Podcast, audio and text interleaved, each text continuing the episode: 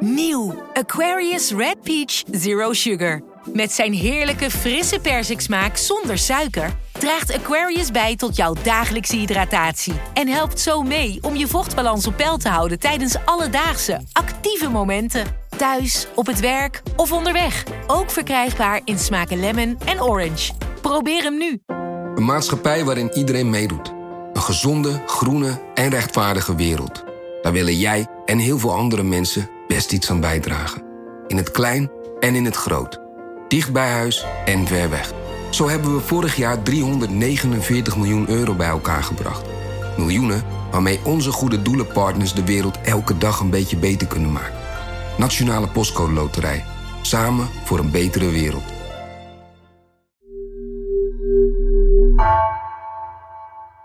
Vanaf de redactie van NRC het verhaal van vandaag. Mijn naam is Egbert Kalsen.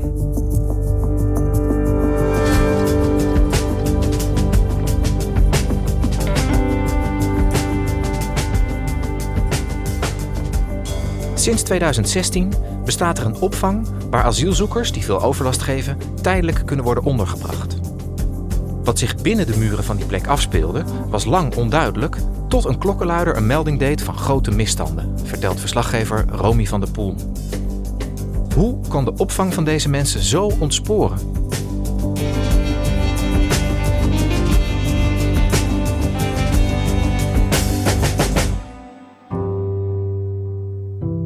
Vorig jaar oktober ging ik langs in Hogeveen bij ehm, de handhavings- en toezichtlocatie van het COA. Een belangrijke plek in de asielopvang, omdat daar de grootste overlastgevers uh, verblijven.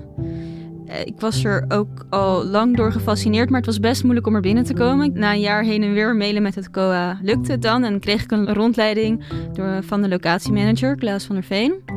De HTL staat dus binnen een oude gevangenismuur. Het is een gebouw van aan elkaar gemaakte containers. En we liepen naar de deur en wat daar eigenlijk al opviel was dat de ramen dichtgeplakt waren met blauwe vuilniszakken. Omdat legde Klaas uit een agressieve bewoner stenen doorheen had gegooid. En tijdens die rondleiding, die best wel snel ging, gebeurde er eigenlijk allerlei opmerkelijke dingen. Zo wilde Klaas me bijvoorbeeld de time-out kamer laten zien, waar bewoners die geweld hebben gebruikt tegen medebewoners of personeel een paar dagen als straf moeten zitten. Maar toen bleek er dus iemand in die kamer te zitten. En ik zag een jongen zitten op alleen maar een matrasje in een verder lege kamer. Omringd door zakken brood en appels. En die, die zat daar maar een beetje. Klaas zei, oh sorry jongen, trok heel snel de deur dicht. En op een zeker moment duwde Klaas me een kamer in. Hij deed een deur open en zei, wacht hier. En toen bleek dus dat er een jongen zonder t-shirt op ons af kwam lopen... die al de hele ochtend uh, agressief was. Nou ja, dus zo ging de rondleiding door. En aan het einde dacht ik, er gebeuren hier ja, dingen waar ik nog niet helemaal vat op kan krijgen. Dus ik vroeg of ik nog een keer terug kon komen om even wat langer uh, mee te lopen. Uh, dat kon opeens niet meer. Uh, omdat eigenlijk op die plek nauwelijks journalisten binnenkomen. En de woordvoerder van het COA zei dat als ik terug zou mogen komen, dat ze ook andere journalisten binnen zouden moeten laten. En dat, dat kon niet.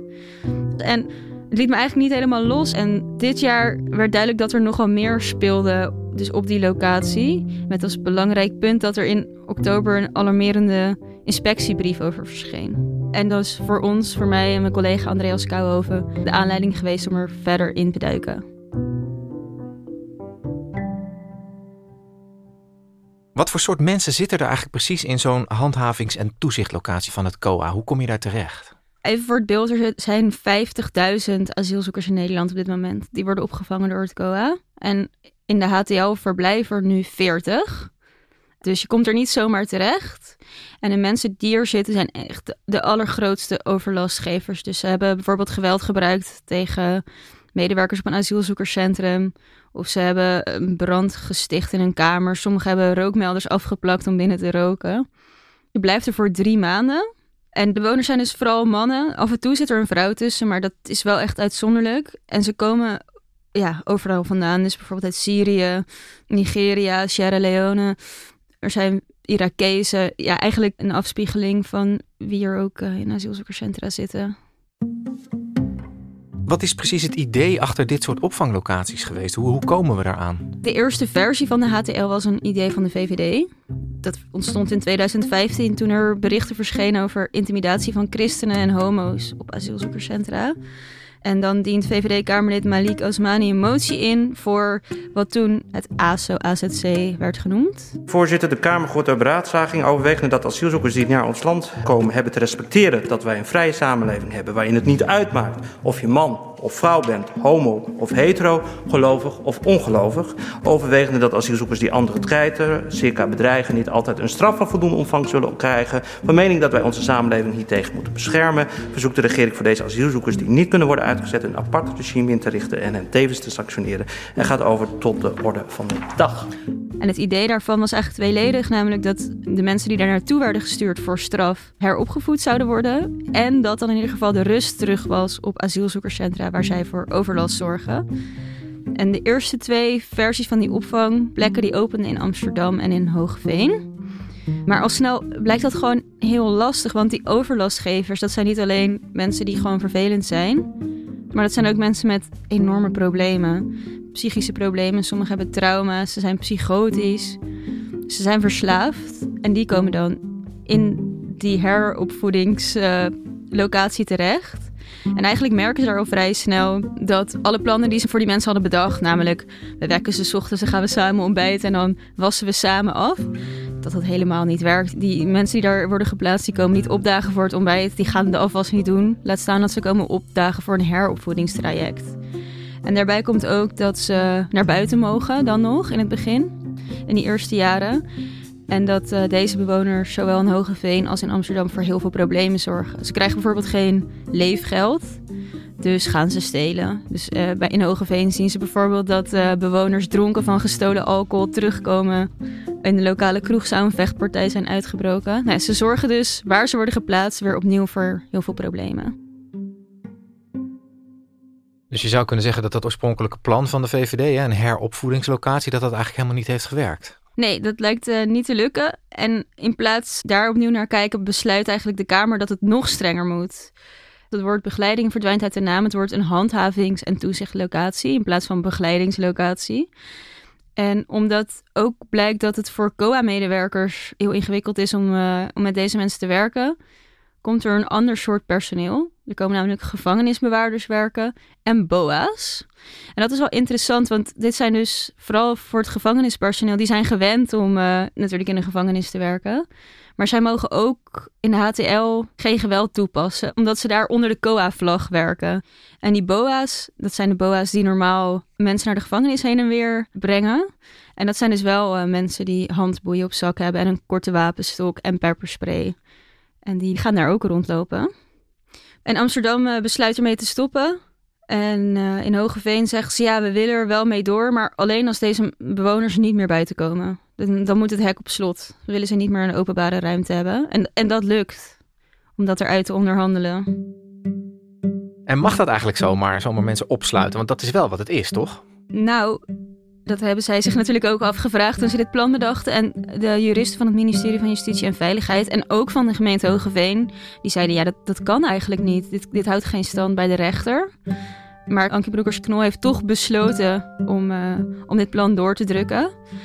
En uh, de burgemeester van Hogeveen, die we hier ook over spraken, die zei ook wel dat ze wel een beetje zenuwachtig waren toen de eerste bewoner uh, naar de rechter stapte, omdat hij eruit wilde. Ja, het hield stand. De rechtbank oordeelde dat er zeer sterke aanwijzingen zijn dat de HTL neerkomt op vrijheidsontneming, oftewel een gevangenis is. De hekken zitten wel op slot. Je mag naar buiten als je dat wil, uh, maar als je naar buiten wil, dan teken je een document waarin staat dat je je recht op opvang kwijt bent. Dus als je naar buiten gaat, dan ben je eigenlijk dakloos. En omdat je er op papier weer uit kunt, is het volgens de rechtbank toch niet illegaal.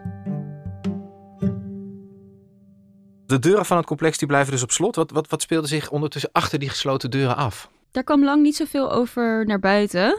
En het kwam ook omdat buitenstaanders er nauwelijks binnenkwamen. Dus advocaten die mochten niet naar binnen.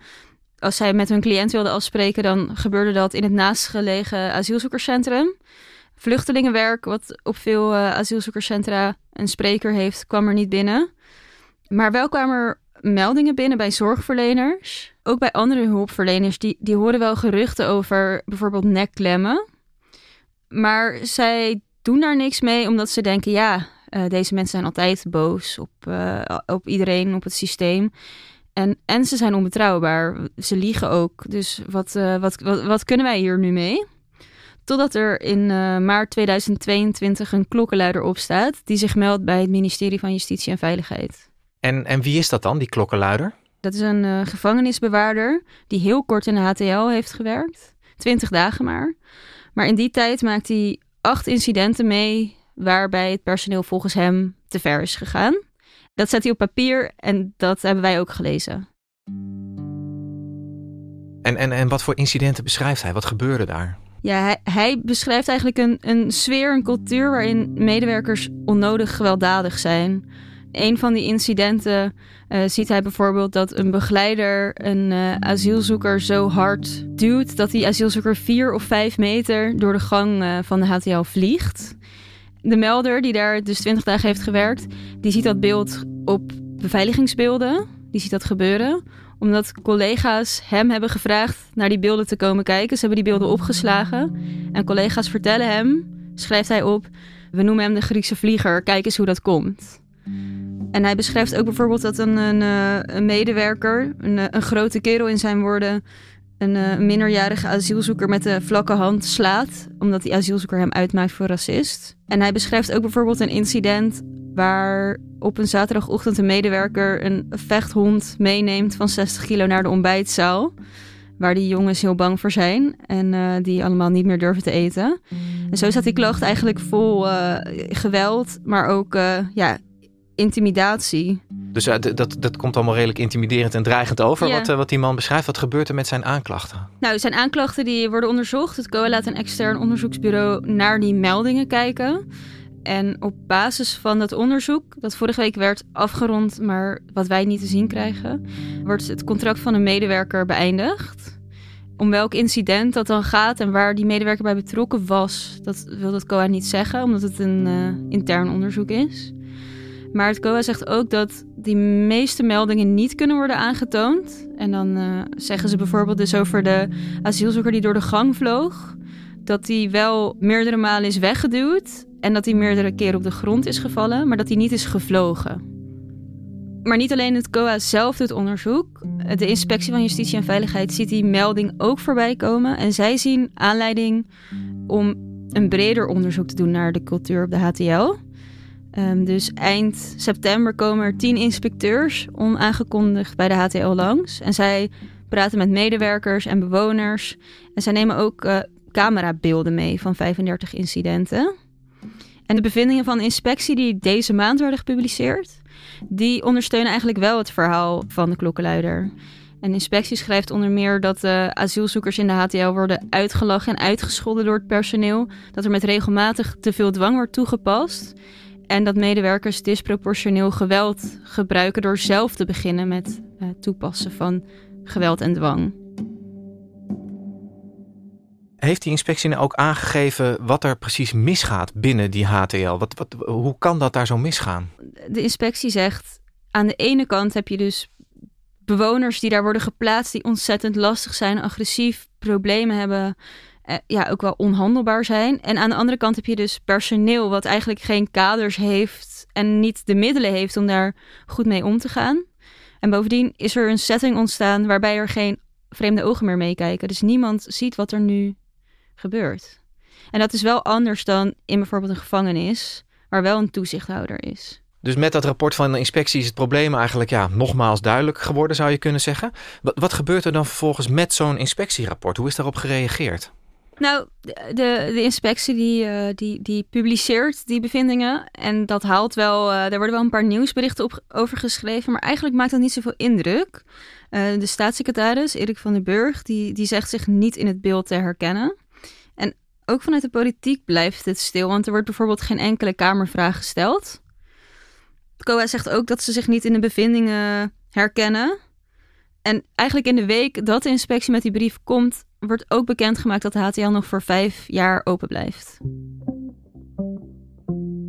En, en heb jij een verklaring waarom er politiek eigenlijk helemaal niet op gereageerd wordt en waarom er ook niet veel meer ja, boosheid of demonstraties zijn tegen de manier waarop die, die jonge asielzoekers daar behandeld worden?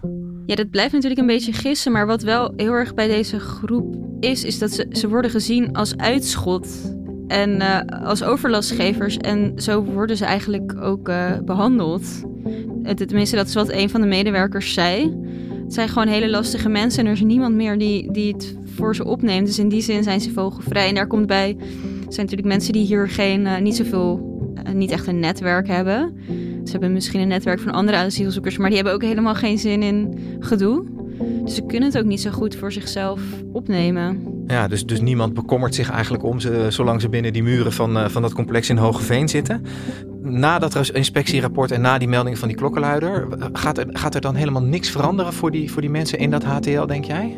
Nou, juist voor bijvoorbeeld ook de VVD is zo'n plek enorm belangrijk, omdat de VVD ook heel erg zit op de aanpak van overlastgevende asielzoekers.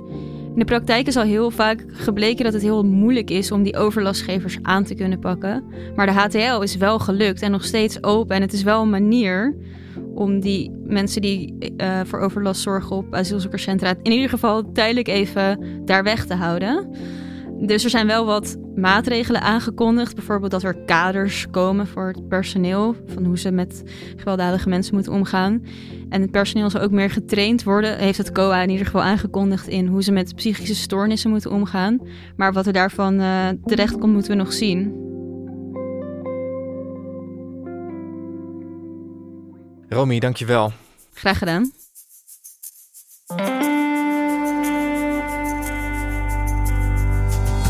Je luisterde naar vandaag, een podcast van NRC. Eén verhaal, elke dag. Deze aflevering werd gemaakt door Mila Marie Bleeksma en Marco Raaphorst. Dit was vandaag, morgen weer.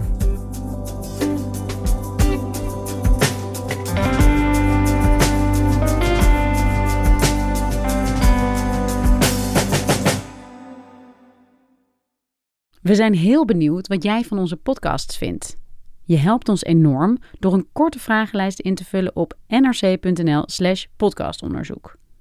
Dankjewel.